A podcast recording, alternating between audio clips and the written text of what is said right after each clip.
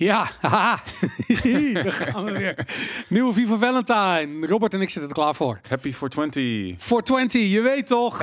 Steek hem op als je hem hebt. Ja, toch. Speciaal voor deze aflevering. Nou, eigenlijk is het... eh, eh, het is, Vandaag niet. Nou, Vandaag- vandaag wel, maar... je ziet dit morgen. We nemen een dag van tevoren op eigenlijk. Eh, niet eens een hele volle dag. Maar, maar dan weet je dat, dat we dat. Want er wordt wel eens over gespeculeerd in de comments van wanneer nemen ze op? Is het niet live? Ja, Dus ja. van nee, helaas is het niet live, omdat we op donderdagavond om 7 uur namelijk ook graag willen kijken naar de live uitzending van Vivo Valentine. Dus dan zitten we nu, als jij dit kijkt, zitten wij nu thuis achter onze laptops mee te lezen met de chat. Zeker. Zo gaan het is een soort De- inception is het. eh. Er er blijven mensen eh, verzoeken eh, sturen over... Ja, kan je niet een keer met het publiek opnemen? Ergens. eh. niet hier. Van die, van, die, van die dingen die lijken zo simpel.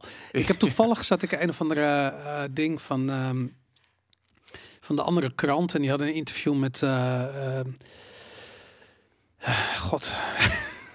ik een naam, ik ben niet goed in naam. Hoe heet die guy, die, die Belg die zo goed is met zijn massa eh, eh, Matthias de formatie? Matthias de Smet. En hij was en dat was ook met live publiek. En echt, die audio is een nachtmerrie. Het gaat Mm. alle kanten. Je hoort iemand echt verwoede pogingen doen om die audio gelijk te trekken. en het lukt niet. Want die audio moet in de zaal goed hoorbaar zijn, maar ook goed opgenomen worden. En dat is natuurlijk, dat, je kunt niet twee dingen tegelijkertijd. Dus Ja, mijn ervaring met dat soort dingen is van ja, is makkelijker gezegd dan gedaan. ja. Het is nooit helemaal goed namelijk. We gaan wel gewoon live events doen zonder opnames. En dan gewoon echt kletsen in plaats van eh, met Absoluut. camera's. Ja, laten we het niet te hard verklappen. Maar dat, eh, dat, we, hebben, we, hebben, we hebben wilde plannen wat dat betreft. Dat Zeker. wordt gro- wordt een gezellige zomer. Vol vrijheid. hey, ik wou iets anders ehm, ehm, eigenlijk aan je vragen. Even kijken, wat zei je? Ctrl-T, hè? Ja, kijk, nee, toch niet. Control tab. Oh, tap was het, ja. ik kan je had me iets laten zien hoe ik namelijk fullscreen gewoon kan switchen tussen die dingen. Ik heb hier een, ehm, een chart. En dit is eh, de prijsgrafiek Oh. van crude oil in euro's. En eh, zoals je ziet, eh, ehm, nee, sorry, dit, dit moet de dollars zijn overigens. Eh, ondanks dat het eh, EU is, is het dollars, denk ik. Want de prijs is nu ongeveer onder de 100 dollar gezakt. Net 97,92 dollar voor een vat Noordzeeolie. Ehm, even kijken. Ik ga mijn cursor even zetten op 24 februari. Waar je nu de cursor ziet staan, is het moment waarop de Russische troepen de Oekraïne binnenvielen. En dat is het moment waarop ehm, de EU ehm, eigenlijk de sancties uit de kast trok. Dat kwam heel snel, kwam een paar dagen later. Namelijk op dit moment. dit is waar de eh, EU eh, de sancties eh, afkondigde en zei van wij willen geen Russische olie en gas meer importeren. Niemand mag dat meer doen. We gaan zeker niet in roebels betalen, dan wel goud, dan wel bitcoin, wat dan ook gaan we niet doen. Ehm, en kijk nou eens eventjes wat dat met de prijs van olie heeft gedaan Mhm. dan zie je dat dat ehm, regelrecht naar boven schoot echt. En dan kan je aan de ene kant zeggen, en dat is ook logisch, direct na de oorlog, van ja, op het moment van oorlog, als er een internationaal conflict is, zeker in een land eh, waarin olie eh, eh, een rol, belangrijke rol speelt in de economie, dan zie je altijd die prijzen omhoog vliegen. Mhm. Weet je, was in de Irak-oorlog zo. nou goed, het is eigenlijk constant zo. Dus in eerste instantie had iedereen zoiets van, ja, het is oorlog, dus daarom gaat die prijs omhoog. En ehm, dat is enigszins waar, behalve dat ehm, het gerucht van de sancties eh, vervolgens verder werd uitgebouwd. En op een gegeven moment dat oorlogseffect van die olie eh, weer wegging, dat zag je in de piek. en vervolgens kwam de EU met nieuwe sancties. En dan zie je dat de prijs weer omhoog gaat. En het interessante is dat ehm, ik zat hier naar te kijken en ik had echt zoiets van: is het nou de bedoeling om Rusland te straffen, of is het nou de bedoeling om die olieprijs op te jagen? Mhm. Want Rusland profiteert van een hogere olieprijs, want die verkopen serieus geen vat olie minder. Mhm. Sinds die oorlog is uitgebroken en sinds Europa allemaal zei van wij hoeven het niet meer. Ja, het is leuk en aardig, maar we hebben het wel, nodig. Ja, ja. ja, tuurlijk. De, de, eh, het is alleen maar virtual signaling. Ja. Ik bedoel, de, eh, weet je, Europa is niet eensgezind. Eh Nederland kan misschien wat harder standpunt innemen omdat we zelf nog wat gasvoorraden hebben, whatever. Weet je, Noorwegen, ik weet het niet. Maar in ieder geval. ehm, ja, die hoge olieprijs is natuurlijk een belangrijke factor in het opjagen van inflatie. Het begint niet met inflatie. Inflatie begint met monetaire expansie. Ehm, maar goed, de prijzen. ja, of, of inflatie is monetaire expansie. Ja, eigenlijk wel. Ja. Dus de prijsinflatie eh, begint bij monetaire expansie. En dat, ehm, eh, maar goed, anyways, als je, als ik soort van naar die, naar die grief, naar de grafiek zat te kijken, had ik echt zoiets van, Rusland profiteert hiervan. Mhm. Die, die verdient gewoon meer op een vat olie. Zij zijn 6, 7 eh, dollar kwijt om een vat olie uit de grond te halen. En vervolgens, op dit ogenblik zijn we 90 dollar meer aan het betalen voor een vat olie Mhm. dan dat het Rusland kost om het uit de grond te halen. Weet je, Mhm. nou goed, kan vast nog wel wat kosten bij. Maar goed, we zijn eh, de top was 132 dollar. Het is fucking insane. Mhm. Wij zijn Rusland rijk aan het maken. Dus aan de ene kant krijgen we te horen van ja, nee, eh, Rusland het is slecht, Poetin slecht. eh, we moeten sancties eh, ehm, opleggen. En vervolgens, weet je, worden er in totaal volgens mij 14 jachten in beslag genomen van rijke Russen. Eh, en vervolgens Poetin verdient zich helemaal groen en geel aan die olie op dit ogenblik. Omdat die prijs zo hoog gegaan is. En ehm, wij hebben te maken hier met zware inflatie. En ik vraag me af in hoeverre dat niet van tevoren bedacht is. En dat dit gewoon helemaal de bedoeling is geweest om die prijzen op te jagen, om inflatie aan te wakkeren en Poetin de schuld te geven. Ik wil net vragen, maar dit, dit was dan het idee van Poetin, maar niet van Poetin, maar van de. Nou ja, dit. ehm, laat ik het zo zeggen. Ik, kijk, Poetin klaagt niet natuurlijk. Weet je, Mhm. ik bedoel, die is. Weet je, die heeft zijn oorlog, die heeft een hoge olieprijs. Ehm, ja, hij heeft eigenlijk weinig te klagen op dit ogenblik. Ehm, Biden heeft een toespraak gegeven waarin hij zei van nee, eh, de Poetin price hike noemde hij het. Hebben we vorige week ook al eventjes Mhm. genoemd. Dus hij zegt van ja, Poetin is de schuld van alles. Weet je, nou, dat is totaal niet zo. We hebben vorige week die grafiek laten zien dat maar een heel klein staartje van die inflatie te maken heeft met die oorlog in Rusland en Poetin en verder helemaal niks. Ehm, maar zoals je ook in deze grafiek ziet, de, eh, de olieprijs was al flink aan het stijgen. Weet je, dat is eigenlijk al sinds december.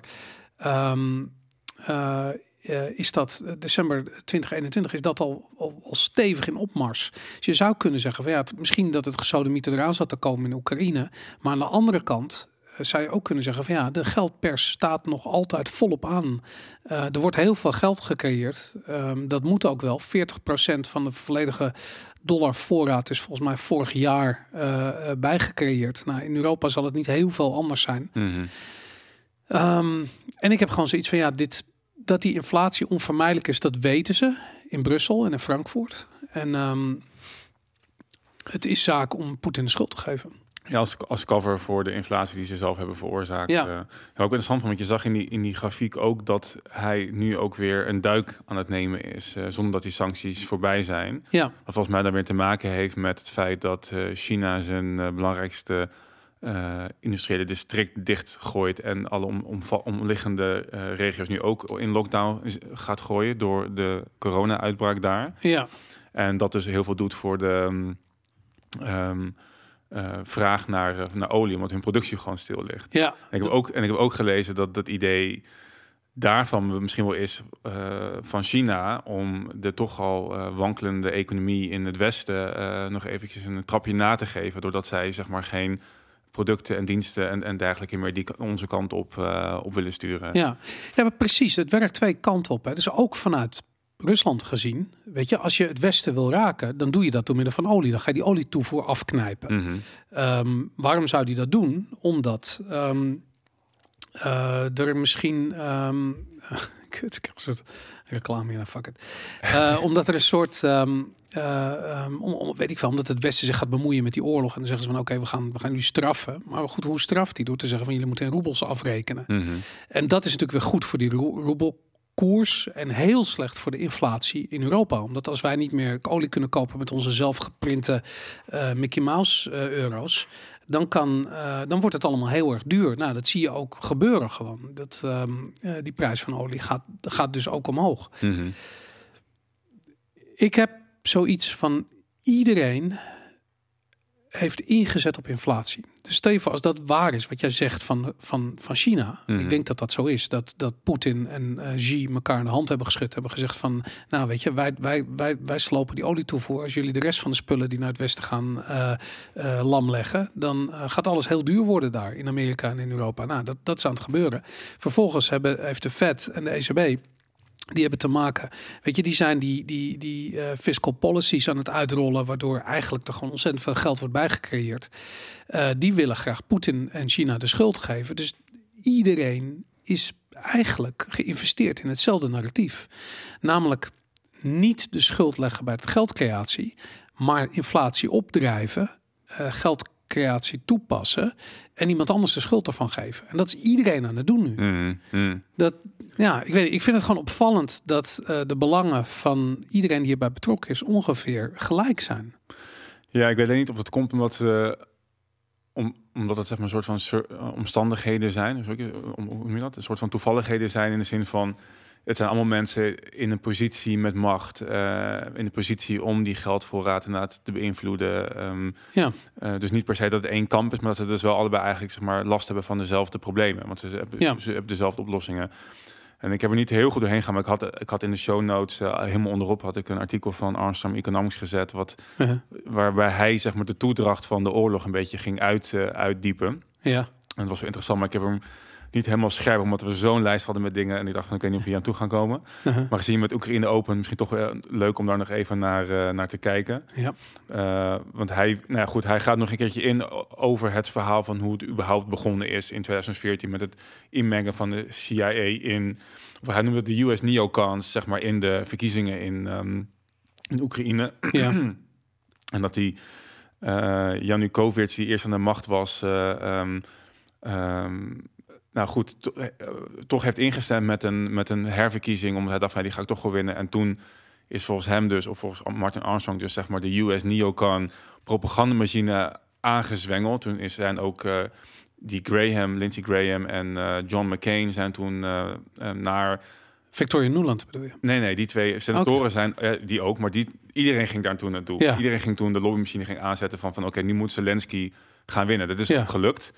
Ehm, en hij zegt ook, dat is ook de hele, het hele idee van die neocons was om, ehm, ehm, zeg maar het hele idee van de, de- dat Trump zeg maar zo pro-Russia is. Ja, Dat is ehm, specifiek bedoeld voor de nieuwe kans, omdat ze kost wat kost hem eh, tegen Rusland wilden opzetten. ja, Als, als Trump in zijn verkiezingstijd na de beschuldigingen die allemaal niet waar bleek te zijn over zijn eh, Russische inmenging en dergelijke, als hij toen had gezegd van ja, weet je, ik wil graag de toenadering zoeken met Rusland, dan, Ja. dan was hij zeg maar politiek dood geweest. ja, ja, ja. En eh, hij zegt in het artikel, legt hij dus uit hoe ze dus zeg maar een beeld hebben gecreëerd van vijandbeeld Rusland en, eh, en Poetin en het vijandsbeeld van, ehm, ehm, van Trump. ja.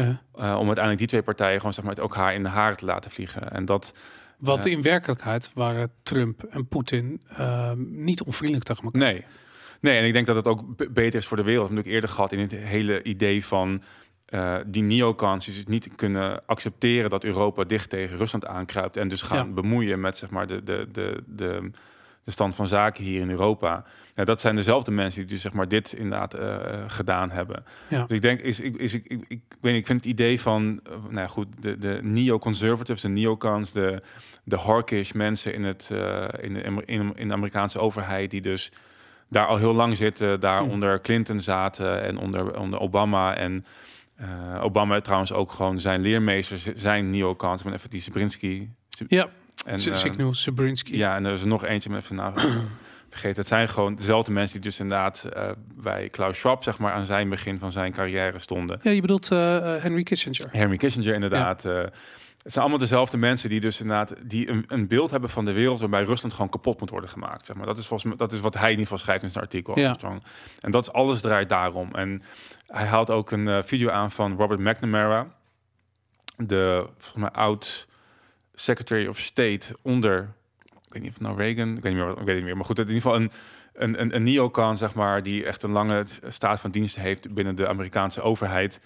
Ehm, die ook vertelt over de Vietnamoorlog en, en eh, de fouten die ze daar gemaakt hebben. En ik denk, zij pushen const- continu, want daar was natuurlijk ook de, de vijand Rusland, zeg maar. Ja. En dat is wat zij dus continu doen. Ze, ze pushen richting eh, het wereld, een wereld waarbij Rusland de vijand is en Rusland gewoon kapot moet, moet worden Ja. gemaakt. Maar zij zien dat gewoon als de grootste bedreiging van hun heerschappij. En wat voor een slachtoffer ze daarmee maken, dan wel financieel, dan wel eh, militair, weet je wel, gewoon echt eh, qua levens, dat boeit, dat boeit ze niet. En is, is het doel niet gewoon verdeel en heers? Want ik kan me ook voorstellen, ehm, weet je, dat idee dat je de soort van, hoe heet het, de Global Island, ik ben even vergeten hoe, hoe, hoe, hoe, De Midlands, de Heartlands. ja, zoiets, de Heartland, die, die, dat idee als je dat, als je Centraal-Europa eh, connect aan Afrika, eh, dat, die, dat dat machtsblok de wereld zal besturen. Mhm. En dat is, al, dat is al zo oud als de tijd van Genghis Khan, geloof ik. Ehm, en het is wel zo dat Poetin eh, eigenlijk altijd toenadering tot Europa heeft gezocht. Ja. En zeker toen de EU eenmaal echt macht begon te krijgen. eh, en de EU is mede gecreëerd vanuit Washington met het idee, dan kunnen Amerikaanse belangen gecentraliseerder aangestuurd worden. Want eh, het was heel erg lastig om Frankrijk en Duitsland en Italië en Spanje en Nederland en al die losse landjes om daar allemaal, weet je, ik bedoel als Google ergens een probleem had, dan moesten ze overal gaan procederen, super lastig. En nu kunnen ze in één keer gewoon 100 miljoen op tafel leggen en dan is het gewoon klaar. Ehm, maar die, eigenlijk die Victoria Nuland opmerking van fuck de EU, Mhm. wat zij op een gegeven moment eh, gezegd heeft in een telefoongesprek, geeft maar aan dat die Amerikanen belang hebben bij het uit elkaar drijven van Europa en Mhm. Rusland. Ja. En vooral Duitsland is echt als een blad aan een boom omgeslagen. Want die waren vroeger juist heel erg geïnvesteerd in die relatie met Mhm. Rusland. Logisch, want ze zijn voor 86% afhankelijk van de energie uit Rusland. En dat, ehm, dat Amerika daarin geslaagd is om eigenlijk die, die partijen uit elkaar te drijven. Daarmee zie je ook, en misschien ook wel dat dat, daar hebben we het ook al gehad over Kazachstan en over Afghanistan. Dat is de link tussen China en Rusland. De landen die daartussen, hoe groter het gezeik is in die landen daartussen, hoe kleiner de kans dat die, dat die twee landen elkaar opzoeken. Dus het lijkt wel alsof Amerika ja, echt een, een- een soort van, van, hoe noem je dat? Een soort, soort, soort eh, policy heeft gekozen. Waarbij ze zeggen van Europa moet wegblijven van Rusland. Rusland Mhm. moet geïsoleerd worden. Nou, tada, de sancties. Mhm. Ehm, Rusland en China het liefst ook niet. Nou, kijk, Afghanistan en, eh, en Kazachstan. Kazachstan is mislukt. Eh, daar hebben de Russen ingegrepen. Ehm, maar het had zomaar kunnen gebeuren. Afghanistan, nou, weten we niet. Maar de, wat is er, is er voor, voor, voor tegen de 10 miljard aan wapens achtergelaten. Plus een radicale partij die daar de, de scepter zwaait. Het kan alle kanten op gaan. En dan natuurlijk die oorlog in Oekraïne, wat natuurlijk een bol gezeik in Europa oplevert. Mhm. Dus wat dat betreft zie je gewoon, van, ja, Amerika is nog altijd heer en meester Mhm. eh, als het gaat om die geopolitieke eh, balans. En wat zij voor die verdeel en heers, dat is wat er zo eng aan is vanuit Europees perspectief. Die verdeel en heerstactiek die we de afgelopen twintig jaar in het Midden-Oosten hebben zien eh, uitgerold worden. eh, waarbij eigenlijk de, een soort gigantische rookpluim boven dat hele, heel, weet je, dat hele gebied is komen te hangen. Weet je, alles van, van, van Libië tot Syrië, Irak, het is allemaal naar de kloten Mhm. Mhm. Ja, weet je, als we pech hebben, gebeurt dat hier ook zo meteen. En Oekraïne zou wel eens een keer. We hebben zoiets van, ja, het is nog best wel ver weg. Het is helemaal niet ver weg, weet je. Het is dichtbij. En het is een oorlog waar Amerika in elk opzicht zijn vingers in de pap heeft. Weet je? Mhm. Ik bedoel, ze zijn, vorige week hebben we besproken dat ze militair actief zijn in Amerika. Dat ze daar de leiding hebben over de oorlog. Ehm, we zien de, eh, de inmenging Wapenleveranties. wapenleverant, de inmenging, de corruptie. Ehm, het is gewoon, er zit één groot Amerika-stempel op de Oekraïne. Ja, het is, en het is bizar dat dit soort dingen inderdaad niet breed worden uitgemeten. Wa- Maar wat je zegt over Duitsland en Frankrijk ook, dat waren hele kritische partijen. Inderdaad, die zochten allebei inderdaad meer toenadering naar Rusland dan, dan Ja. Amerika. Want ik, voor mij zei ik vorige week ook dat, ehm, misschien heb ik het niet in de uitzending gezegd trouwens, dat Frankrijk jaren, 30 jaar of zo, niet lid is geweest van de NAVO. Ja. Zeg maar. Ook omdat die, eh, die red lines die Rusland had neergezet van ja, sommige landen moeten gewoon echt niet toetreden, want dan da- dan ben je gewoon ons, ben je gewoon ons eh, zeg maar agressief aan het, eh, aan Ja. het bejegenen. Zo ja, dat willen, daar willen gewoon niet die lijn overgaan. En nu zie je dat zowel Zweden als Finland bij de NAVO willen komen. Dus Ja. er zit, en wat ik vorige keer ook al zei, dat de eh, minister van Buitenlandse Zaken van Duitsland nu toenadering wil zoeken met dat, het heropenen van de TTIP. Voor, eh, ja, gesprekken, ja, de internationale handelsverdragen. Ja. met, met Amerika, Canada en Mexico.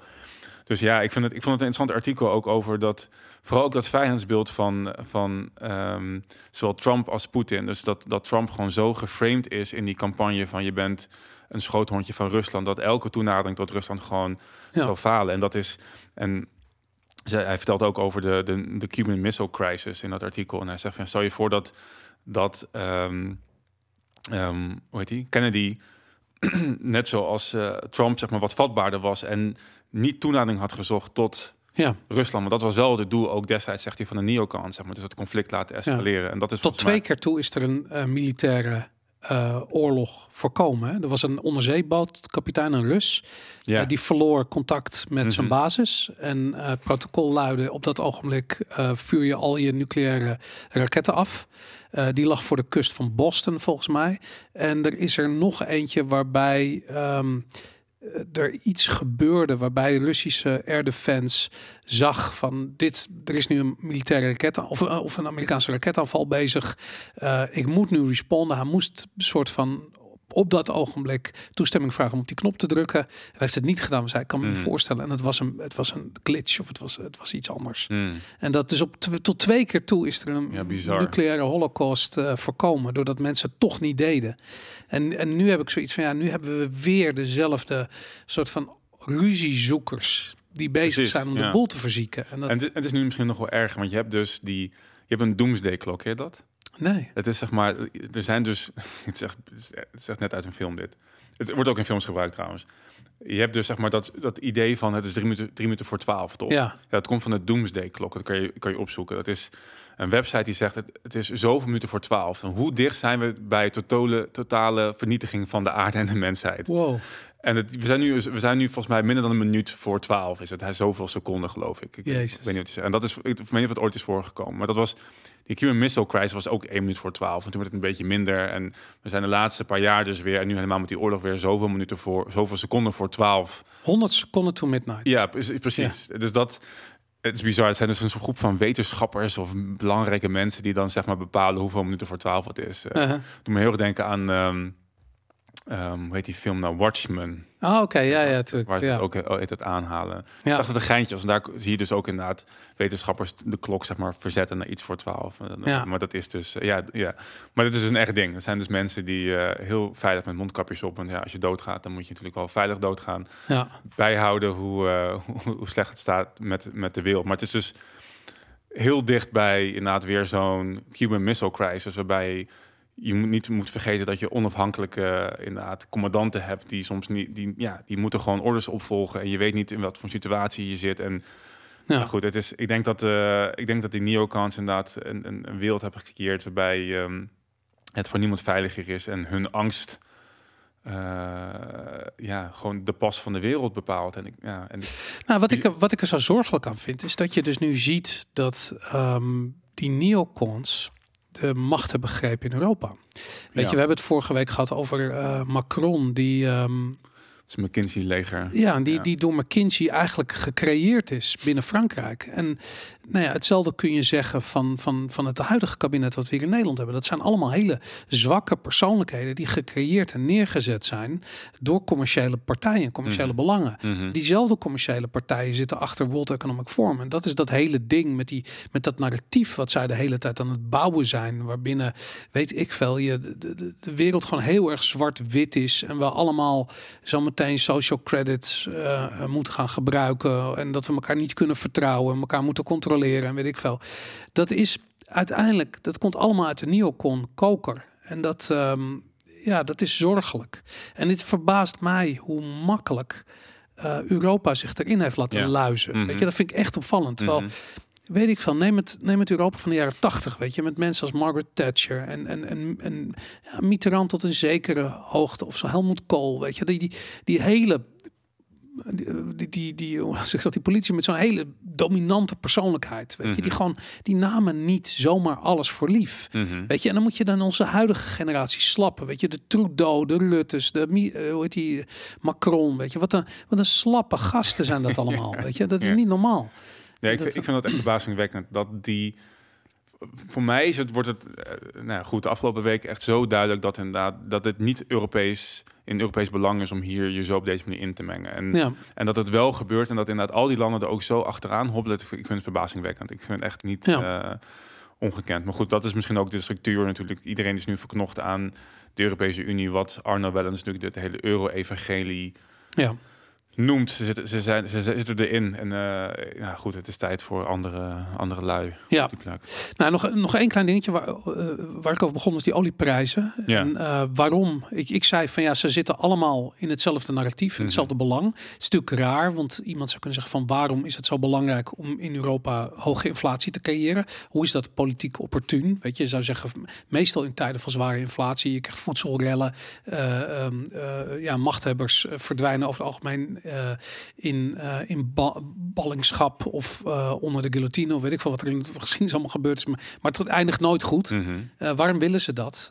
Dat idee is natuurlijk om ehm, de Great Reset in te luiden.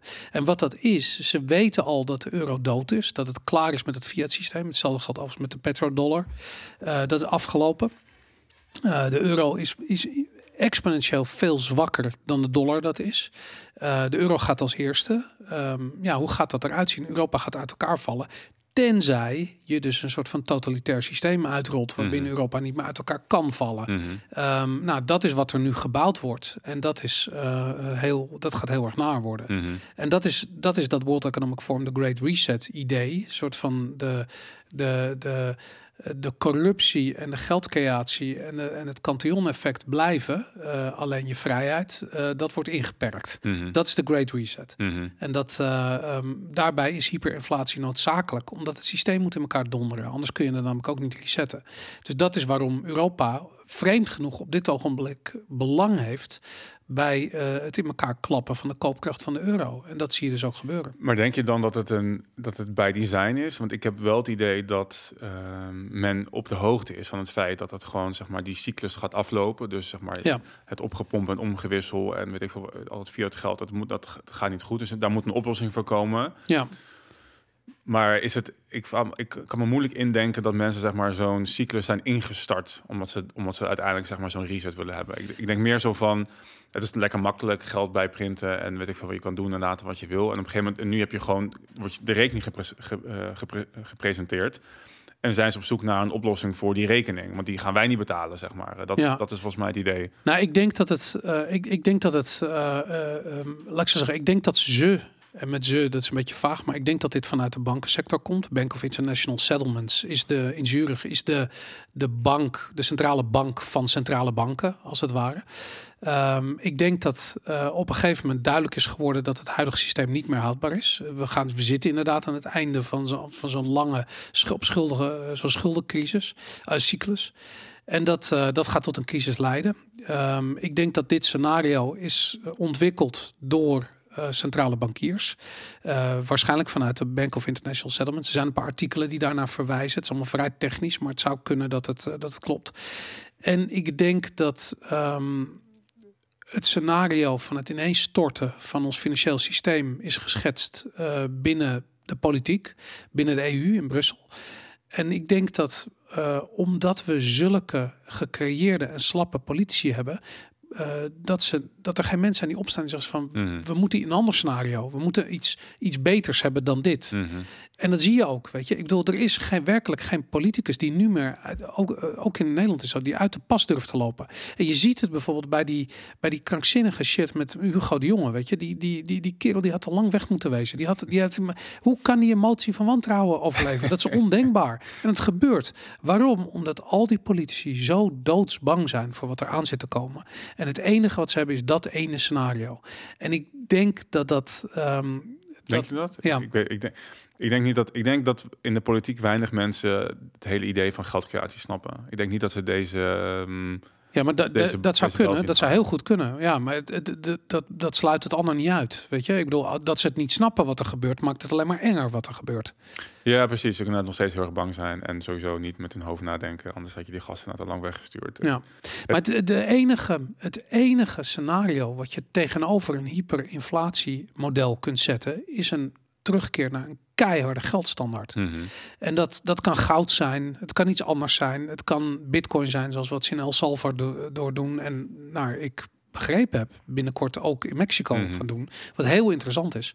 Ehm, hoe dan ook, een, een hard geldscenario is het enige, echt letterlijk het enige middel wat je hebt tegen die inflatie. En daar gaat wel een grote crash bij komen kijken. Mhm. Want je kunt niet zomaar in één keer eh, eh, de geldkraan dichtdraaien en zeggen van dit was het. Mhm. Dan gaat iedereen, die, die- dat, nou, de boel klapt in elkaar. Mhm. Maar het komt omdat onze economie is nep.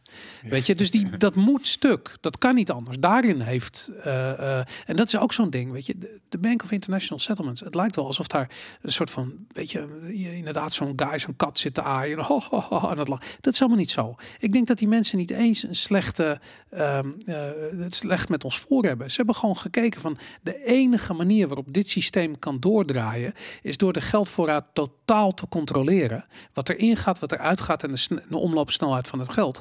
Ehm, en daarbij eh, gaat je vrijheid eh, gaat weg, want anders kan je het niet controleren. Mhm. Dus die controle staat is wat er nodig is om dit systeem nog overeind te houden.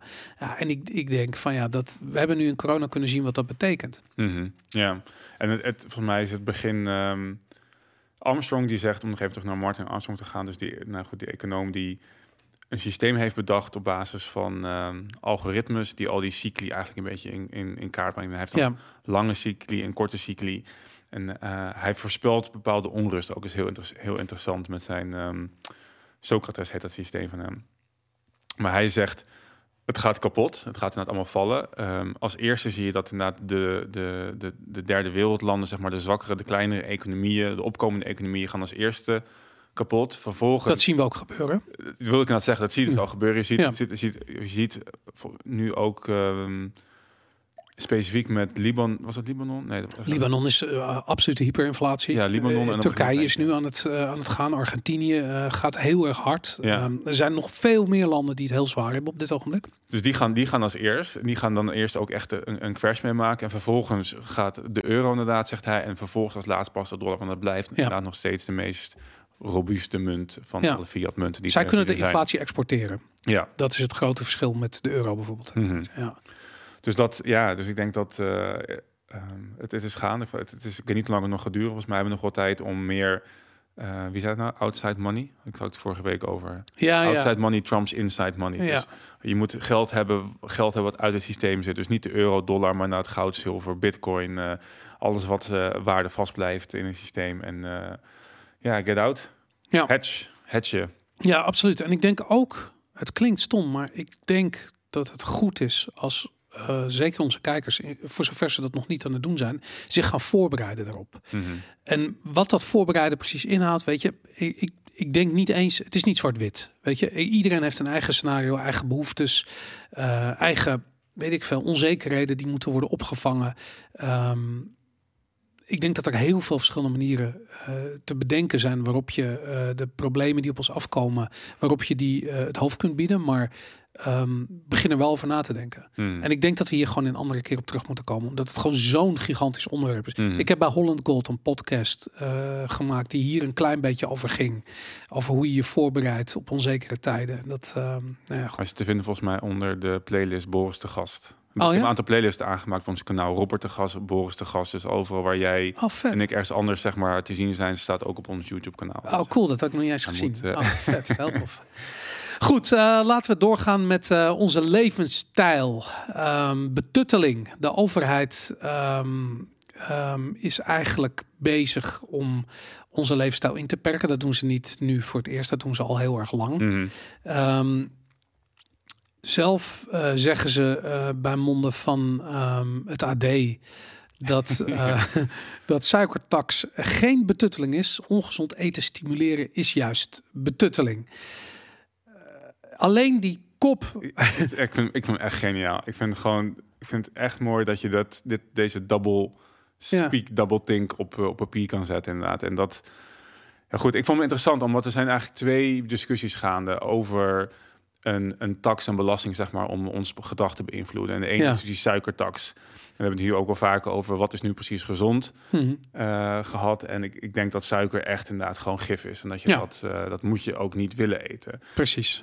Maar ik heb ook gezegd dat ik, eh, volgens mij nog een half jaar geleden, dat ik echt heel erg genoot van het eten van rauwe cakebeslag. dat, was, dat, was, dat was zes maanden geleden. Ja, ja, tuurlijk. dus Ja. het kan veranderen. En ik, en ik, nou goed, en het is interessant, want het is iets wat vaak terugkomt en, en waar het ook vaak ehm, tussen, zeg maar, eh, ehm, libertairen en autoritairen, zeg maar, verschilt. Dus de mensen, de, de, de centralisten versus de decentralisten. Ehm, dat ook al vind ik iets heel goed, dat ik het niet wil afdwingen. Nee. En dat ik, omdat ik één denk dat het, dat, dat immoreel is. Dat Ja. hoor je niet te doen als, eh, als overheid eh, of, of als wie dan ook. Je hoort geen andere mensen te dwingen tot gedrag wat, wat jij goed vindt. Ja.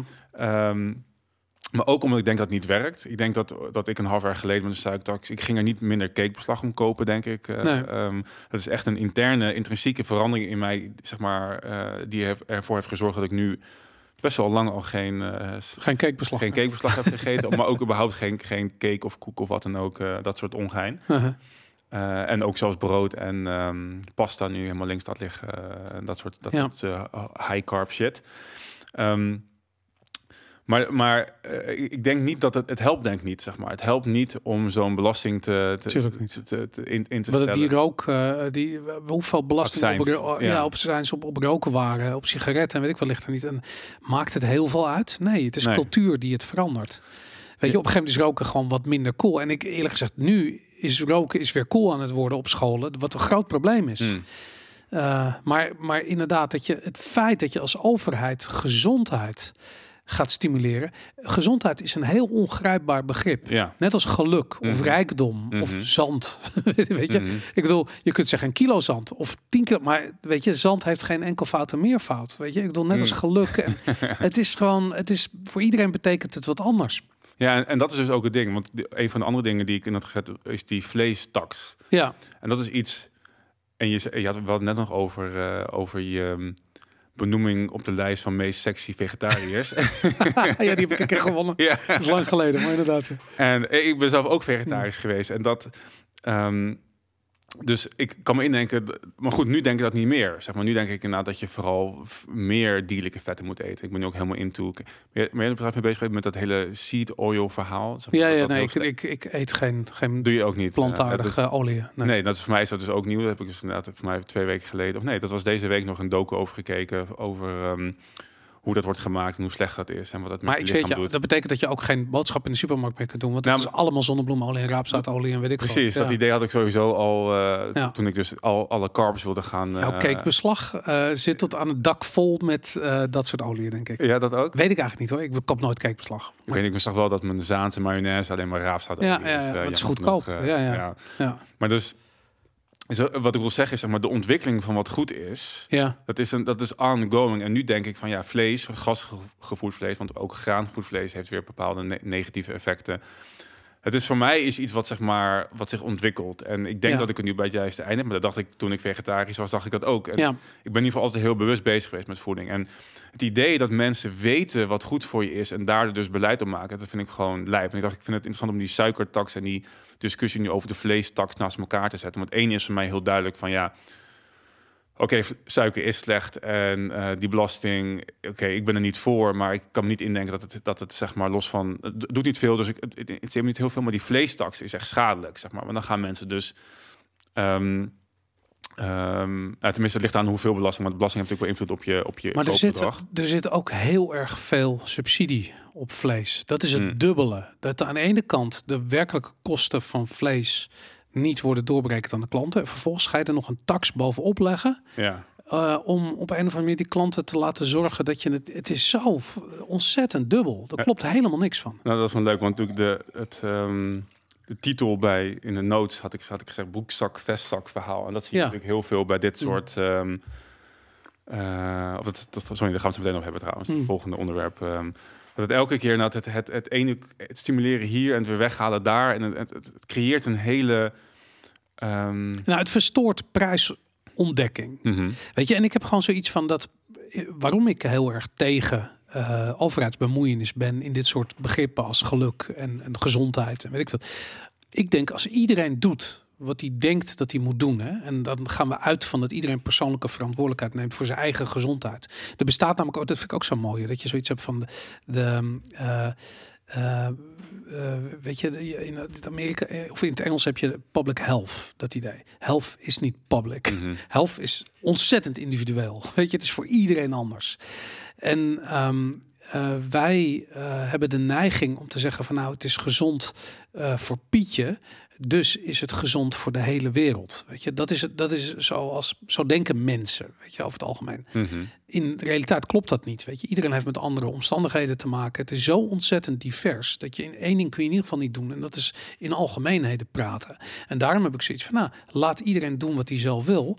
Uh, weet je, wil jij uh, vlees eten, eet je vlees. Wil jij geen vlees eten, doe je dat. Wil jij een prik in je arm, dan doe je dat. Weet je. Mm -hmm. En aan het eind van de rit zien we wie er het beste uit is gekomen. en dat is het probleem. Want als de overheid het gaat opleggen en je zit ernaast, ja. dan is ook gelijk iedereen dood. Mm -hmm. En dat is het nare aan, aan, aan, aan die overheidsbemoeienis. Mm -hmm. weet je? Het idee dat vlees ongezond is, is krankzinnig. Vlees is niet ongezond.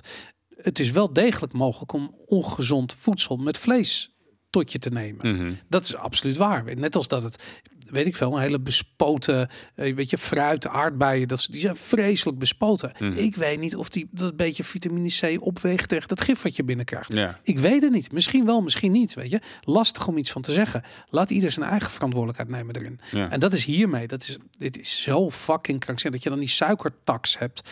En dan moet ik wel zeggen, suiker is voor niemand goed. Maar het ja, suikertax is voor iedereen slecht. Ja, ja, precies. Want ik wil net zeggen, er zijn wel er zijn denk ik wel bepaalde algemeenheden waar je variatie in hebt, zeg maar. Volgens mij de meeste mensen moeten inderdaad gewoon niet zoveel carbs eten.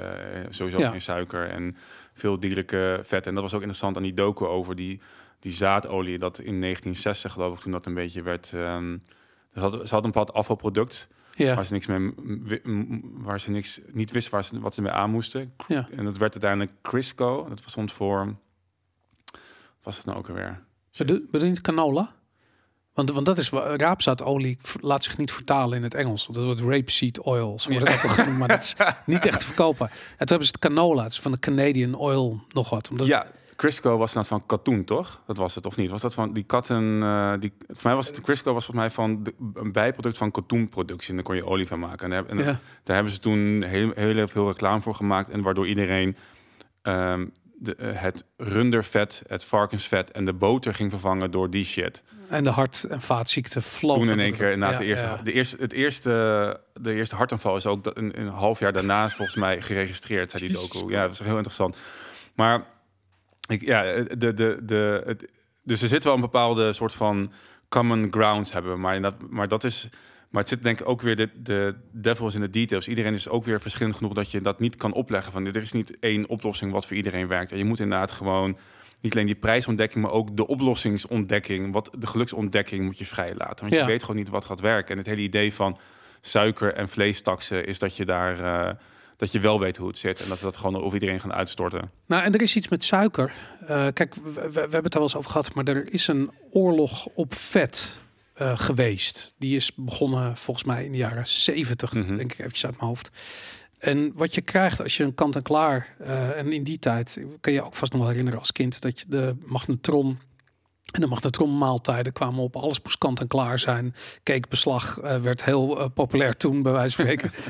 um, en als je vet eruit haalt, dan moet suiker in. Als je dat niet doet, is het niet te vreten. Ja, precies. Ja. Dus uh, je ziet, en in Amerika is dat nog veel erger. Bij ons is het erger. In Amerika is het nog veel, serieus. Daar koop je niets waar niet suiker aan is toegevoegd. Echt, mm. als je een zakje nootjes in de supermarkt, daar zit nog steeds en zonnebloemolie en uh, of, of raapzaadolie en suiker hebben ze eraan toegevoegd.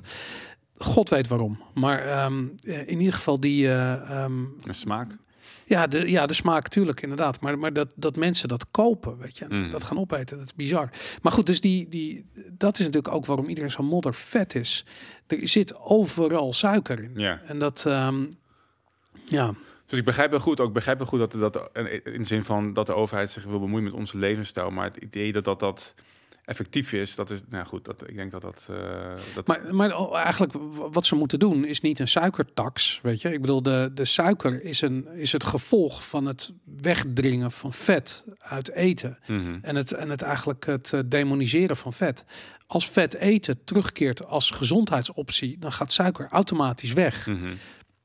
Maar goed, weet je, hoe gaan we dat voor elkaar krijgen? Nou, niet, want dat is nu met die, die hele vleestaks is niet, namelijk volgens mij niet bedoeld om gezondheid. Het gaat om het CO2, milieu. ja. CO2 inderdaad, Precies. stikstof en al die ongein. Ja, Dus dat vind ik het gevaarlijke ervan. Dat zie je, dat vind ik sowieso van het hele klimaatidee. De dingen die essentieel zijn voor mensen om te kunnen leven, zijn nu in één keer slecht. Ik bedoel, ja, bedoel, het CO2 wat we, wat we uitademen, dat is voor planten wat die weer zuurstof maken, wat wij inademen. En dat is, is CO2, als, je- als je dat wil verbieden, dan zeg je gewoon, ja, je mag niet ademen. Dat is eigenlijk Ja. wat je zegt. En hetzelfde geldt nu voor vlees en al die zaken die we nodig hebben als bouwstenen voor onze ehm, voeding. Dat, dat, dat, daar is gewoon een oorlog tegen gaande. ja. Ik heb, ik heb vorige week ook eh The Big Little Farm gekeken. Heb je die gezien? Ja, die ja, heb ik gezien. Het gaat Ja. ook over, over traditioneel... ehm, sustainable farming. En zo. ja, ja. wat wel op grote schaal is en hoe dat. eh, Er is wel wat voor te zeggen. Zeg maar, er is wel wat voor te zeggen van hoe wij nu met de natuur omgaan, dat dat beter kan. Dat je meer in balans met. Tuurlijk, zo'n varkensflat met 40.000 Ja, dat varkens dat is kut. Ja. En, en die, maar die film, de de Big Little Farm, laat mooi zien hoe je dus wel op best wel grote schaal nog goed voedsel kan produceren zonder dat je daar bestrijdingsmiddelen voor gebruikt en gewoon de natuur zelf weer Ja. zijn gang laat gaan. En ik, ja, ik vind het echt een fantastische film. eh, ja, het is heel tof. Ehm, en ik, nou goed, maar ik denk dus, dat, dus we moeten wel, we kunnen best wel wat doen, maar niet de dingen die essentieel zijn voor mensen en dieren om te overleven. En- Ja.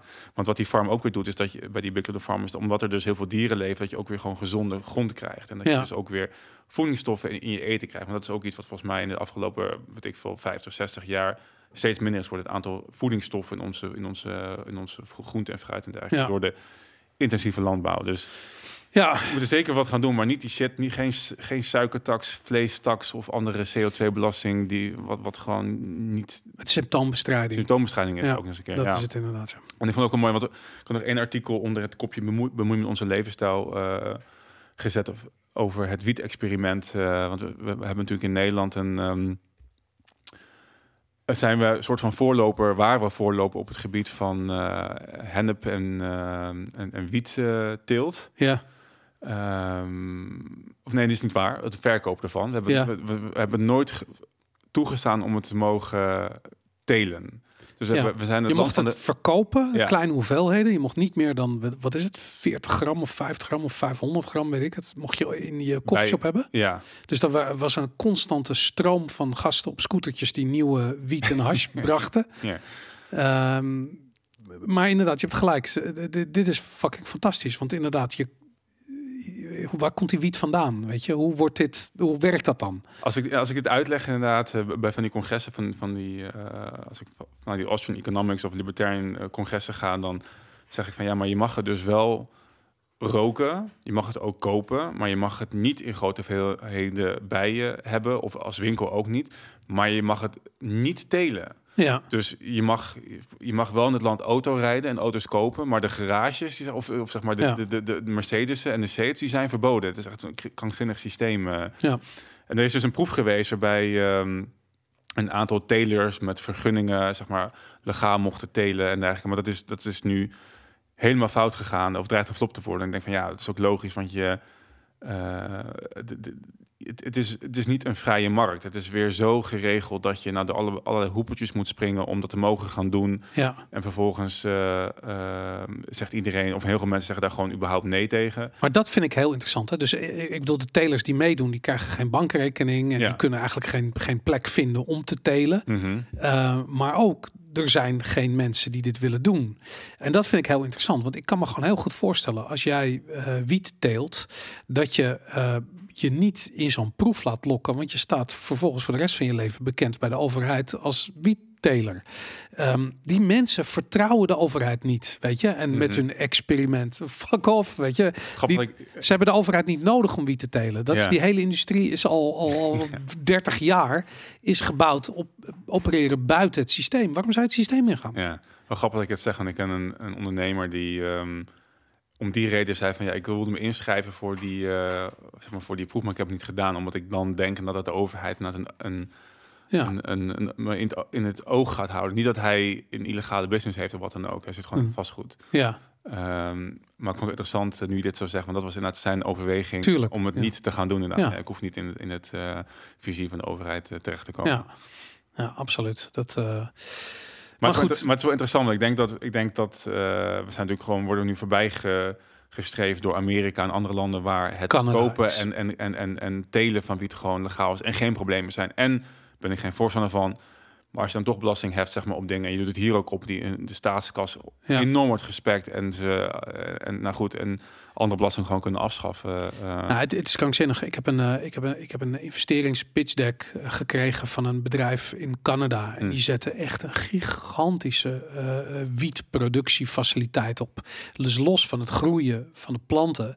eh, weet je, er wordt CBD-olie, er wordt Oh, ja, ja. medische Mhm. wiet gemaakt. Er wordt, weet ik veel, het afval wordt verwerkt tot vezels waar kleding en autobekleding mee gemaakt wordt. Het is echt, het is in, die, er valt zoveel mee te doen. En dat, dat bedrijf die had zijn funding in een week rond. En het ging echt om vele, tientallen miljoenen. mhm. En, en dat ik zoiets heb van het, het idee, ik bedoel, Nederland liep voorop op die shit. Mhm. Als jij nu naar LA gaat en je koopt gewoon bij zo'n zo'n zo'n medical marijuana dispensary, koop je, je, eh, koop je wat wiet. Eh, eh, die kwaliteit is tien keer beter dan wat je hier in Nederland krijgt. Plus, je weet dat er geen eh, bestrijdingsmiddelen zijn gebruikt, dat het biologisch geteeld is, dat het gewoon dat de kwaliteit goed is. Terwijl hier in Nederland, ik weet niet, de ene koffieshop zegt ja, we hebben biologisch geteelde wiet. Dat moet je maar geloven, weet je. Ik heb zelf in een koffieshop gewerkt toen ik een jaar of 18 was. Ik kan je vertellen, we hadden een lijst met met met met 20 dingen, 20 verschillende soorten wiet en hash, en ik, het waren er maar twee. En het werd gewoon allemaal verkocht onder een andere naam. En dan al, oh wil je die hebben? Ja, tuurlijk, weet je. Ja, nee, dat, was dan eh, 16 euro per gram, weet je. Nou, en dan hop, dan ging het in de magnetron en werd het zacht en dan deed het er. Het was allemaal dezelfde shit, weet je. Dus je, er is geen kwaliteit, er is geen consumentenbescherming ook, weet je. Het is, Nee, nee, precies. Maar dat is- krijg je dus ook. Op het moment dat je dus in het in illegale circuit houdt, dan heb je dus die hele ehm, ehm, dat toezicht wat je als ehm, in, in een normale markt, zeg maar, gewoon recensies en dat soort dingen. Weet je, Ja. Je hebt, dat, dat, dat, dat krijg je dan niet. Dus het is allemaal heel ondoorzichtig als je het gaat, eh, als je het illegaal gaat maken. En wat je zei, ik hoorde inderdaad van een vriend dat dat Nederlandse coffeeshops nu inderdaad eh Californische wiet Ja. importeren en dat het ook binnen een half uur op is. ja, ja, maar. tuurlijk. Dat Shit supergoed. Ja, dat ja. het echt gewoon als een. Dat vind ik echt bizar. Dat vind ik zonde dat we dat als Nederland zeg maar niet gewoon die voorlooppositie hebben, hebben gehouden. En wat je zegt, teruggrijpend ook weer op de, de natuurintensieve gewassen, dat is hennep niet. Nee. En je kan inderdaad heel veel dingen van maken, van kleding tot inderdaad, wat zijn het over, over die coating van auto's of beton, Ja, dat ja, soort de dingen. kleding en auto's. Dus niet de plastic, maar, maar weet ik veel, autostoelen en weet ik veel. Ja, weet je, ik bedoel, wat duurdere modellen zitten allemaal soort van high-end, een soort van organisch materiaal verwerkt en zo, weet je. Dat, eh, dat is heel vaak gewoon hennep. Ja, dus dat is, dat is gewoon echt, nou, ik vind het doodzonde dat dat niet. eh, ehm, Ah, het is krankzinnig. En Nederland had ooit eh, in de Gouden Eeuw een gigantische hennepproductie voor al die schepen. Dus de touwen waren van hennep, de Mm, zeilen waren mm, van hennep. mm. Dat, eh, eh, oh, weet je, het werd gewoon heel veel hennep gebruikt. Dat, maar goed. Krankzinnig dat het eh, illegaal is. eh, Ja. En dat wij niet als land daar gewoon nog in voorop willen lopen. Precies, inderdaad. Laten we doorgaan. eh, eh, eh, ehm, even kijken, broekzak, vestzak. Ja. Even kijken, wat hebben we hier? Ja, er was een advies van een belangrijke raad adviseert de regering schiet burger te, met schulden te hulp. Dus het gaat over dat de overheid problematische schulden eh, moet gaan voorkomen en Nederlanders die nu een schuld hebben een kans geven om met een schone lijn te beginnen. Ja, Dus de overheid wil, of in ieder geval die raad zegt dat de overheid ehm, welke raad is dat? Belangrijke raad? Is dat de, een raad? de Raad voor Volksgezondheid en Samenleving. Ik heb Oh. er nog nooit van gehoord. Ik ook niet. Nee. Ehm, Goed, ze zetten het ook in de kop, maar dat het een belangrijke raad is. Want anders zou het niet weten dat het nee, belangrijk precies. is. Wel vermelden, anders lees je Ja, anders had ik er ook niet, eh, niet op geklikt, denk ik. Ja. Maar die, ehm, ja, dus er zijn in totaal stonden mensen voor een bedrag van 3 tot 3,5 miljard euro rood drie jaar geleden. En dat was voor de coronacrisis. eh, Mhm. ehm, dus, nou ja, goed.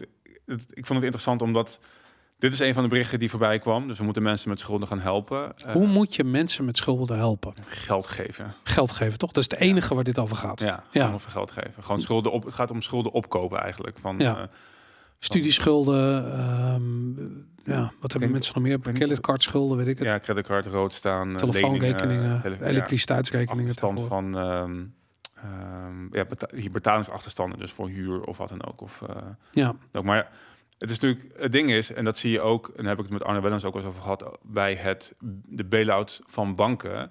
Je creëert hier een moral hazard. Ja. Je zegt namelijk, de schulden die jij onder eigen verantwoordelijkheid aangaat, die zijn niet jouw verantwoordelijkheid, die zijn onze verantwoordelijkheid. Ja. Dus jij kan niet verantwoordelijk worden gehouden voor de dingen die jij, uh, die jij, die jij doet. Uh, dus het effect is ook dat mensen dan, uh, dat zie je in ieder geval bij banken, dat is namelijk de reden dat je elke keer een, een crisis hebt. Want banken zijn niet voorzichtig, want ze weten toch wel dat er een bail uit gaat komen, dat er een great reset gaat komen, wat dan ook. Ja. Um, en, ja, en dat maakt, en dat wat je ziet in Scandinavië, waarbij banken niet zijn gered door de overheid. Dat zijn nu de best presterende banken van, uh, van de wereld. Ja, Want die, uh, IJsland met name.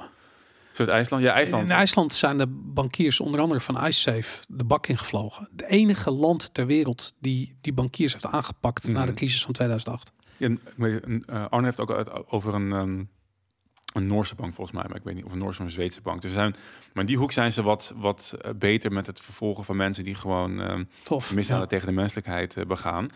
Uh, en je ziet dus dat die banken het ook goed, goed, presteren en niet in allerlei dubieuze producten handelen en niet te veel geld uitlenen en ja. uh, nog gewoon normaal. Ik, eerlijk gezegd, ik, het is een jaar geleden voor ik laatst ook naar heb gekeken. Misschien dat het in coronatijd anders gegaan is. Uh -huh. um, maar je ziet dat het helpt als mensen dus hun eigen verantwoordelijkheid moeten gaan dragen. Dus ja. het, gaat het gaat sowieso fout op het moment dat je dit op deze manier wil gaan inrichten met een bepaald fonds voor mensen die schulden hebben. En Uh-huh. het is ook niet gratis. Mensen doen vergeten altijd dat het ergens vandaan komt. En twee andere berichten die ik voorbij zag komen is over uh, de winstbelasting, een wereldwijde winstbelasting voor bedrijven. Zo'n minimum, ja. minimum tarief willen we gaan afspreken. Daar is nu een soort van akkoord over gekomen. Uh -huh. En Rutte heeft gezegd, ja, uh, lastenverzwaringen zijn uh, onvermijdelijk. Bereid je maar vast voor. Ja. Op basis van wat we het afgelopen jaren uit hebben gegeven met de coronacrisis en lang daarvoor. En ik denk van ja, ik vond het interessant om die, die berichten eventjes naast elkaar te bespreken, omdat het gewoon precies is. Ja. Laat zien wat de overheid kan doen. Het kan geld ergens wegnemen en er, erger anders weer terugstoppen, maar ze creëren het niet. Het, het, het, het komt ergens vandaan. Geld creëren ze wel, maar, nou ja, maar, maar welvaart creëren welvaart ze niet. niet. En waarde ja. creëren ze niet. Uh, nee. Um, nee, dat, maar ik vind dat namelijk, als je het op die manier bekijkt, hè, kijk, de, uh, um, en ik vind die, die, die, die uh, vermogensbelasting versus inkomstenbelasting discussie heel erg interessant, die nu op het punt staat van losbarsten en die al veel gevoerd wordt.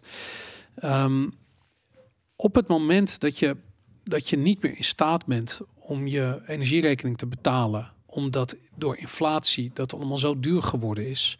En die inflatie is niet door jou als persoon gecreëerd, die is door de overheid gecreëerd. Die wordt in Brussel gecreëerd, die wordt in Frankfurt gecreëerd. Weet je, de ECB zet die geldprinter uit, koopt schuldpapier op van landen of zelfs van Europa zelf. Komt nieuw geld bij. Nederland leent tegen negatieve rente. Nou, waar kan dat misgaan? Weet je. Nou, en aan het eind van de rit heb je dan de burger ergens die niet veel geld heeft en die kan niet meer rondkomen dat is niet het schuld van die burger. Los van dat hij misschien wel of niet op de VVD heeft gestemd. Maar uh, waarschijnlijk niet. Waarschijnlijk heeft hij op, een, op de SP gestemd of op de PvdA, weet ik wel, iets links. Uh, denkende dat hij wel opkomt uh, voor zijn of haar belangen. Wat natuurlijk niet het geval is, want het zijn socialisten. en die komen alleen maar op voor het systeem. En dat, dan ben je wel degelijk een soort slachtoffer van iets wat de overheid heeft gedaan. Namelijk die geldcreatie. Um, aan de andere kant heb ik zoiets van ja, als samenleving, als we als samenleving de verantwoordelijkheid hebben om te zorgen voor de mensen met wie het slechter gaat of financieel slechter gaat, dan hebben we in de eerste plaats de verantwoordelijkheid om dat geldsysteem te fixen, om die kapotte politiek te fixen, om die corrupte oplichters eruit uh, te trappen uh, en het beter te doen. En dan zul je zien dat het beter gaat met iedereen. -hmm. Um, want op dit ogenblik zijn we aangekomen bij de discussie van ja, vermogensbelasting. Dat betekent dat mensen zometeen, weet ik veel, stel je bent nog in staat geweest om een huis te kopen en dat huis is drie keer in, uh, verdubbeld. Op het moment dat je het um, um, zometeen uh, uh, 1 januari is, dan wordt dat huis straks bij je box 3 opgeteld. Nu nog niet natuurlijk, maar stel dat dat gebeurt. Dit, Mhm. dit is ook al voorbij gekomen. En dan ga je gewoon betalen, weet je. Nou, dat betekent dat gewoon, weet ik veel, twee derde van de Nederlanders direct in de schulden vliegt. Weet je, want we, Mhm. we gaan, en voor wat? Belasting, weet je. En dat zei jij ook al van die 200.000 ondernemers die eh, failliet zijn gaan of aangekondigd hebben ermee te stoppen of failliet te gaan. eh, dat hun belangrijkste schuldeiser is de Belastingdienst. Mhm. Weet je? Dus het is, het is de Belastingdienst die eh, het leven onmogelijk maakt in Nederland. Mhm. Aan de ene kant heb je de overheid die geld creëert en het en dus geldontwaarding aanjaagt. En op de andere en aan de andere kant heb je de Belastingdienst die, die de druk opvoert. Nou ja, sorry, dan, dan, dan zit je gevangen tussen twee vuren. Mhm. En dat is elke Nederlander ervaart dat op dit ogenblik. Mhm. Dat is, en dat gaat nog veel erger worden. Ja, misschien kunnen we even dat filmpje laten zien van onze eh, zuidenburen. Want daar heeft die, een politicus het wel begrepen. En, Ja. en die zegt van, nou, volgens mij heb ik een hele, een hele simpele en efficiënte, doeltreffende oplossing. eh, die die volgens mij aan eh, de commissie waar die in zit voorlegt. Ja, dit is een ehm, eh, volgens mij een video uit het. Is dit? Wat is dit voor presentatie? Een soort. Nou goed, ik ga er niet doorheen praten. transfers naar Wallonië, daar moeten we op besparen. Maar ik wil het vandaag over nog iets anders hebben.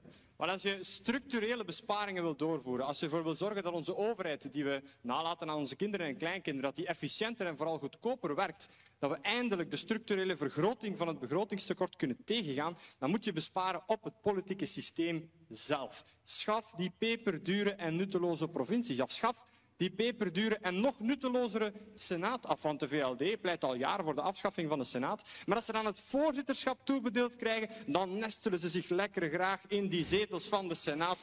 En dan steken ze die belastingcenten mooi in hun eigen zak. Dat is toch wel behoorlijk tristig. We kunnen dat even goed gewoon afschaffen. En als we dan toch bezig zijn, het Koningshuis, schaf het gewoon af. Totaal overbodig. Het aantal parlementsleden, trekt dat omlaag. Onze bijdrage aan de Europese Unie, die kunnen enorm naar omlaag. Die partijdotaties die de partijen krijgen, inclusief de partij waar ik mee geleerd ben, doe die in het midden. Halveer die partijdotaties liever vandaag dan morgen. Serieus? En als we toch zijn... maatregel gevraagd. De laatste, dat is, dat is lezen? besparingen op het politieke systeem. Het laatste dat ik wil aanstippen, dat is gewoon mijn eigen job. Schaf ze maar af. Schaf dat federale parlement gewoon af. En als ik daarmee mijn linkse collega's kan overtuigen, zoveel te beter. Jullie zijn dan van mij af en we laten een veel efficiëntere overheid na. Want de grote besparing is niet alleen de kost van dat politieke systeem zelf, van die provincies, die senaat, al die parlementen, al die politici, maar is ook het feit dat je een veel efficiëntere en betere besluitvorming zal hebben in dit land. En dat gaat geen honderden miljoenen opleveren, zoals de- besparingen op het systeem zelf. Dat gaat miljarden opleveren aan betere en efficiëntere besluitvorming.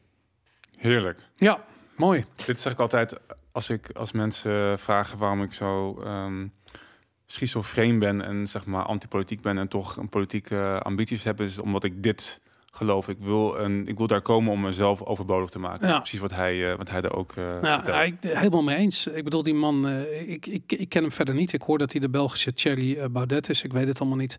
Hij lijkt me duidelijk een beetje van de libertarische stempel. Mhm. Ehm, het enige wat hij niet benoemt is die geldcreatie. ja, ja. Dat is het enige dat ik gewoon zoiets heb van ja, ze blijven. En dat is, misschien heb je wel gelijk, weet je, dat, dat, dat er bijna geen politici zijn die begrijpen dat het werkelijk echt de, de wortel van het probleem ligt bij geldcreatie. En, Mhm. de- en de, ja, de onzin status, de zachte status van de euro. Mensen weten niet wat geld is. Nee. Nee, ik, ga me mailen, denk ik. Ja, nee, zou ik ook Even, doen. even een met, eh, aflevering van ons. eh, ja, wat dit- is geld? ja. Ja, absoluut. Goed, ehm, even kijken als laatste. ehm, we hebben ZZP-bedrijven. Wat, gaat, wat is daarmee aan de hand? Ja, nou, ik zag een aantal eh, berichten voorbij komen over. ehm of eigenlijk zag een bericht voorbij komen over Deliveroo. ja. En Deliveroo die eh, heeft eh, een aantal medewerkers daarvan hebben een eenjarige gevangenisstraf gekregen en boetes gekregen. En ze hebben zelf ook boetes gekregen omdat ze ZZP'ers zouden misbruiken. ja. En ik dacht, ik wil het gewoon even aangrijpen, omdat er wel vaker een discussie is over de, de, de nut en noodzaak en van ehm, bedrijven als Deliveroo, Uber, eh, zeg maar, al die partijen die geen Hmm. medewerkers meer in dienst hebben, maar wel eh, via ZZP-contracten allerlei mensen inhuren. Hm. En er zijn nu heel veel, sowieso zijn natuurlijk heel veel berichten gaande over we moeten ZZP'ers beter beschermen. Er moet een fonds voor ze komen, Ja. allerlei shit komen om mensen te helpen. En terwijl ik denk, ja, maar er zijn toch mensen die er kiezen ervoor om ZZP'er te zijn en kiezen ervoor om eh, een bepaalde hogere beloning te krijgen eh, of ergens gewoon aan de slag te kunnen gaan. En wetende dat je dan dus na bepaalde zekerheden niet meer hebt. Dat is toch het hele idee van ja. ondernemen en ZZP zijn. En dat is bij Deliver- bij Deliveroo eh, vaak ook, eh, er zijn bij mij net- Nederland ook uitspraken over geweest dat ze, mm, of- was dat die andere partij, maar in ieder geval een partij die moest ook contact gaan aanbieden aan die mensen. Ik denk, waar, ja, waar Volgens mij was je- dat KPN of, of gewoon, hoe heet het, eh, TNT Post. eh, Oh ja, PostNL is ook ja. zo'n bedrijf Ja. die heel veel ZZP'ers inhuurt. En ik denk van ja, ik, ik, vraag, ik, ik ben daarop tegen, omdat ik, ben, ik sta voor contactsvrijheid. Iedereen Ja. heeft de vrijheid om elk contact aan te gaan onder elke voorwaarde. En dus bijvoorbeeld nu als je kijkt, nu we hebben in Amsterdam heel veel van die boodschappen bezorgd. Dat was mij een beetje voor, via, via dezelfde Ja. constructie werkt. Uber heeft het ook van die Uber Ja. Delivery, Uber iets heet dat geloof ik. Ja. Maaltijd bezorgen en zo. Ehm, ja, dat had je eerst niet. Het zijn dus wel allemaal nieuw gecreëerde banen eh, waar mensen dus aan de slag kunnen gaan tegen de voorwaarden die zij stellen. Ja, als zij dat niet willen, dan moet je dat niet accepteren. Ja. Ehm, ehm, en daarbij denk ik dat het beeld ehm, van dat soort bedrijven slechter is dan het daadwerkelijk is. Ja, Ik had ook een berichtje van de Foundation of Economic Education erbij gezet over Uber. eh, waar, waar dat gaat over dat Uber vaak sneller reageert op ongeregeldheden dan zeg maar traditionele taxibedrijven. Dus als er iets misgaat met, het, het kan, het kan gewoon zijn een onaardige eh, bestuurder, maar ook over eh, mishandelingen of misbruik, wat ook natuurlijk in de taxiwereld voorkomt, ook bij Uber. ja. Dan zie je dat Uber sneller en adequater handelt dan traditionele- omdat het ZZP'ers zijn. ja, ook. En ook omdat het systeem wat ze hebben ingericht, zeg maar, de feedback is veel sterker, want ze maken gebruik van die ratings. Dus, dus zij, zien Oh, ja. inderdaad- zij zien heel snel als er iets fout gaat. Ze krijgen veel sneller, ze kunnen dat makkelijker van af. Je hebt geen, geen wetgeving die zegt van ja, maar je moet hem Ja. eens gaan procederen voordat je er vanaf kan, kunt komen. Je kan het gewoon direct eh, doen. Ja, Maar het hele idee van, en dit is heel belangrijk, zeg maar, ook in een, in een vrije marktwereld, dat je weet met wie je zaken doet door middel van recensies is een heel belangrijk. Men, men- men, men gaat er een beetje uit dat het, dat het gewoon is. eh, hoe heet dat? Men gaat er gewoon vanuit en vindt het heel normaal dat dat er is. Maar het is zo belangrijk in een vrije markt dat je ziet met wie je zaken doet. Ja. En dat je recensies hebt en dat je weet eh, eh, wat je te wachten staat. En dat is wat Uber en heel veel van dat soort nieuwe bedrijven heel goed gebruiken. En dus ook meteen ingrijpen als, die, als dat onder een bepaald niveau is. Of überhaupt als het zakt, dan, dan krijg je gewoon geen... ehm, Nou, in Amerika, is het, ik bedoel, de laatste keer dat ik in Amerika was, heb ik heel veel Uber gebruikt. En ik merkte dat eh, ook als klanten, eh, want eh, chauffeurs kunnen, actie, ook kunnen jouw een rit, eten, ja. Ja, en wat ik merkte, als je bijvoorbeeld te weinig tipt, dan krijg je niet vijf uit vijf sterren Hmm. ratings. Terwijl de rest maakt niet zoveel uit. En eh, de andere kant werkt het ook op. Als jij een chauffeur een slechte rating geeft, dat is echt dodelijk voor, eh, voor die business. Mhm. En ik heb die, ehm, eh, dat is hier in Nederland werkt het ook zo, totdat ze op een gegeven moment individuen verboden hebben om voor Uber te werken. Omdat het geen ZZP'ers waren, weet ik van, omdat ze geen taxivergunning hadden, weet Ja. je, dat gezeik. Mhm.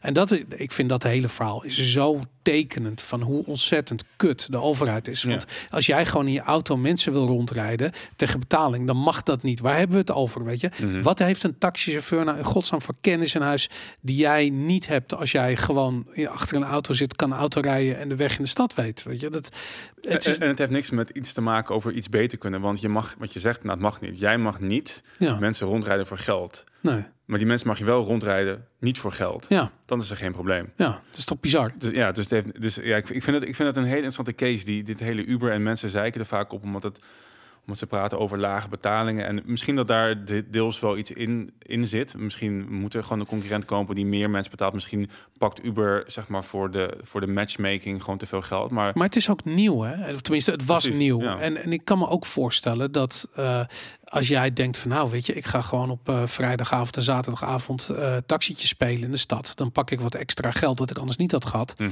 Zo begin je er misschien mee. En dan ben je bereid om, om, om een lage prijs te accepteren. Totdat je op een gegeven moment ziet dat je daadwerkelijk kosten hebt. En je auto en je benzine wordt duurder en weet ik veel wat. En dan heb je zoiets van, nou, ik ga voor deze prijs ga ik die ritjes niet meer doen. Mhm. Weet je, ik ga iets anders doen. En, dat, en ik weet zeker dat het op die manier werkt. En je ziet ook dat Uber is duurder aan het worden. Want in het begin was het echt dirt en dirt cheap. Mhm. En nu, ja, het is gewoon duurder aan het worden. En dat, eh, nee, en ik, ben- ik, ik ben het ermee eens. Ik vind namelijk echt dat de overheid zich niet moet bemoeien met dit soort shit.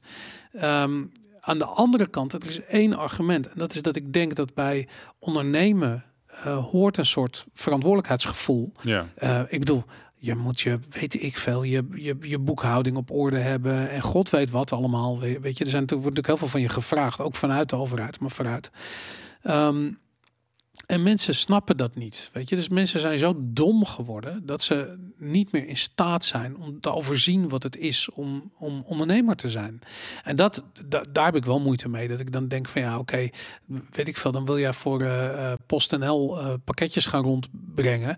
PostNL dwingt je om een ondernemer te zijn. En vervolgens kun je de druk helemaal niet aan, omdat je nog nooit je, je belastingaangifte hebt gedaan, weet ik Mhm. veel. Weet je, of niet weet hoe je BTW moet aan. Ik weet, weet ik het. En dan denk ik gewoon van ja, dat is voor die mensen is het dan misschien niet op dat ogenblik. Weet Nee. je, ga leren ondernemer zijn. Ga bij de KVK langs en, en, en leer dat. En dan snap je welke verantwoordelijkheid erbij komt kijken. Maar misschien niet als uitgangspunt. Nee, het is ook zeker niet voor iedereen, maar de, maar de oplossing, eh, wat nu vaak wordt ehm, eh, opgevoerd, is dat, dat je mensen dus moet beschermen en dus ze ook nooit gaan leren die eigen verantwoordelijkheid te kunnen pakken. En daar gaat het mis, want dan ga je, zi- zit je in een rabbit hole, Ja. zeg maar, naar richting een great reset uiteindelijk. eh. Maar uiteindelijk denk ik ook van dit hele ding. Het feit dat een bedrijf zoals Uber of PostNL... dat die, dat die hun medewerkers moeten dwingen om nog goedkoper te werken. Want daar gaat het van, voor die bedrijven natuurlijk om. Mhm. Ehm, dat, is ook, dat is ook inflatie. Weet je, zij moeten die marges nog ergens vandaan zien te halen. Hebben het gevoel dat ze het blijkbaar niet meer kunnen doorberekenen aan de klant. En dan, ehm, ja, dan gaat ergens ga je die marge halen. Die gaat dus nu bij het personeel vandaan komen. Dat is waarom die allemaal ZZP moeten worden. Mhm. Dus ik heb ook zoiets van, ja, hier, hier zie je ook weer geldcreatie. Eh, Weet je, de ontwaarding van geld. En de druk die dat voor iedereen die erbij betrokken is in zo'n proces eh, eh, oplevert, is, het is onmenselijk. En ik denk dat een hele grote ook is de, wat ze noemen de administratieve lasten. Je zei inderdaad het voldoen aan Ja. eh, de regelgeving van de overheid, het, aandoen, het doen van belastingaangifte en de, al die hoepeltjes springen. En Nederland scoort daar wereldwijd heel slecht in, de, in, in de, op de Ease of Doing Business Index, maar ook al een keertje over gehad. Ja. Eh, en ik, nou, de kosten zijn denk ik ehm, van het systeem waar eh, wat van, van Langehoven het over had, die zijn gigantisch. En daar hoor je eigenlijk. ehm, het, het is namelijk, ik denk dat het multifaceted is. Het is natuurlijk, inflatie is de allergrootste. En ik denk als dat weg is, dan heb je al een heel robuust systeem. Maar als je daar bovenop dan allerlei belemmeringen in de regelgeving gaat zetten, dan alsnog heb je niet een vrije, welvarende wereld die we wel zouden kunnen hebben. Dus om, Ja. daar moet je ook gewoon hard in gaan, eh, gaan snijden. En ik denk dat, ik vind het meest interessant, is- vind ik het van van- een vriendin van me die is manager voor een, eh, nu haar eigen restaurant in New York. Eh, maar daarvoor voor andere restaurants en die verdienen daardoor gewoon heel goed geld. Maar ze zei, een serveerster verdient vaak meer geld dan ik, gezien zeg maar de tips die, die ze krijgen. Ehm, Ja. En iedereen, het is nu een, ook een beetje hetzelfde als die ZZP-discussie, een hele hetze gaan het tegen voor een minimumloon. Mhm. Ehm, terwijl die mensen gewoon al heel goed geld verdienen. En het is dus ook weer, het is nu in, in New York en, en veel plekken in Amerika veel meer laissez-faire vrije markt geregeld. Namelijk, ehm, jij doet jouw werk en de klant betaalt jou nagelang hoe goed jij je, zeg maar, Maar je werk vind, doet. Ik vind eh, het rare is dat die, eh, kijk, wat, ik, wat je in, eh, zeker in New York volgens mij zie je dat ook steeds meer, dat je dat de tip zit al in je rekening. Ja, Waarom zit het niet in de prijs van de biefstuk die je bestelt? Ehm, Waarom is die tip Nou, dat- zo los? Waarom is dat zo losgeweekt van de kosten van het voedsel? Van de service of weet ik het? Ja, om, om, die reden, omdat het dus om de service gaat niet om, de, om, het, om het voedsel. Dus het gaat om, dus aan de ene kant betaal je aan het restaurant zeg maar voor het product dat je krijgt. Aan de andere kant betaal je voor de dienst van het krijgen van je eten en zeg maar de hele sfeer eromheen aan de serveerster. Dus er zitten dus gewoon zijn twee andere componenten. En ik weet niet hoe dat ontstaan is, maar het is... Er zit wel een logica in, in de vorm van als jij de service als heel slecht of we eten bij hetzelfde restaurant en jij vindt hem slecht en Ja. ik vind hem goed, dan tip ik meer. Dus ik betaal voor een betere service Ja, en jij hebt een minder ervaren eh serveerder of serveerster Ja. en je hebt zoiets van nou dat ging helemaal mis en die koffie ging over mijn broek en weet je, oké ik tip gewoon wat minder, want ik vind het minder waard. Dat is op zich natuurlijk wel tof. Ja. Pay what you want in een restaurant. Ja, Dat, dat is het idee erachter. En het, en het werkt dus ook heel goed, want Maar ik vind dat dat met kwaliteit van het voedsel ook moet. Dat je betaalt naar, naar gelang... Ja, stel je voor dat je, je, je, weet ik veel, je hamburgers aangebrand. Mhm. Weet, je, weet ik veel, dat je minder betaalt. Maar goed, dat kan eigenlijk sowieso wel. Als je het eten niet goed vindt, zeggen we luister. Ja, precies. vreten, doe je je, wel. of je eh, gaat niet naar het restaurant toe. Dat is, nou, dat is ook, ook Ja. een beetje de restaurantkeuze. Tuurlijk. Die- zit daarin verwerkt. Ja. eh. maar het is wel interessant, want ik denk dus inderdaad dat... Inderdaad, er, zijn wat, er zijn wat meer markten actief hier, zeg maar. In Nederland word je gewoon... Moet je zoveel betalen en, heb je geen keuze in. En is ook de service mijn inziens veel slechter vaak dan... Over het algemeen dan in Amerika. slecht in Nederland. Ja, tuurlijk. Niet dat ik iedereen over één kam wil scheren, maar, over, maar uh, het zijn vast mensen die heel goed hun werk eh, daar, daarin doen. Maar, je, maar er zit wel dat hele feedback component, wat je dus ook met reviews en met tips en dat, dat werkt ja. uitermate goed. En ik denk ook dat je uiteindelijk niet slecht betaald wordt. Daardoor, sterker nog, wat ik zeg, die manager krijgt minder betaald dan de serveerder die ze zeg maar in dienst heeft. Ja. En ik denk, ja goed, ik denk dat meer vrijheid en verantwoordelijkheid pakken. Dus weet je, ook als Uber je niet bevalt, een alternatief neerzetten of weet ik veel wat je kan doen. Dat, dat is volgens mij de oplossing. En niet met regelgeving van, van bovenaf proberen alles weer gelijk te gaan zitten trekken. Ja, nou ja, goed, dat is, dat is bureaucratie. De kosten van de bureaucratie zijn hoog. Het moet betaald worden. En ik denk dat het, het vervelende is inderdaad, en dat vind ik wel heel goed aan die Belg die je net liet zien. In principe in Nederland zijn er geen politici in de Tweede Kamer op dit ogenblik die begrijpen dat uh, die bureaucratie het probleem is. Mhm. Dus de bureaucratie, je hoort altijd de bureaucratie moet anders worden ingericht. Dit is fout en de mondkapjes zijn van dit of zus of zo, weet ik veel. Iedereen heeft er een idee over. Maar wat je nooit hoort is van laten we het allemaal afschaffen. Want het, uh, de problemen die het oplevert zijn vele malen groter dan de, dan de problemen die het oplost. Mhm. En dat, um, dat hoor je eigenlijk niet. En dat vind ik inderdaad uh, opvallend. Veel te weinig inderdaad. ja. Um, dat was hem. Ja, er is één ding. Ik begrijp niet waar het gebleven is. Um, nee, we hebben hem overgeslagen. Hij stond in het begin. En het ging over de, oh, ja, de, ja. De, de, de, het trauma wat we. Grappig, ik dacht dat je, ik dacht dat je die wil je bewaren voor een, uh, voor een volgende. Want ik had hem aan het, aan het begin gezet, omdat ik eigenlijk niet over Oekraïne wilde praten. En toen ik, ik over. Ik wilde niet, ik wil, dacht, ik wil niet over Oekraïne of inflatie hebben deze aflevering. Ik wil het hebben over uh, ja. de body keeps score. Maar ik denk dat het mooi is voor. Uh, laat hem staan voor de volgende keer. Ja, voor de volgende. Oké, top. Dan ga ik hem ook uh, namelijk lezen voordat we die aflevering gaan doen. Goed, dit was V voor Valentine. vergeet niet even te liken en te subscriben, ons te volgen op Instagram en op Twitter. Ik ben op Twitter Gekka Boris. jij bent Robert. Nee, Valentine RW. Valentine RW, inderdaad. Op Twitter. Ehm, ja, like, subscribe. Je kent het. Bedankt voor het kijken, bedankt voor het luisteren. Tot volgende week.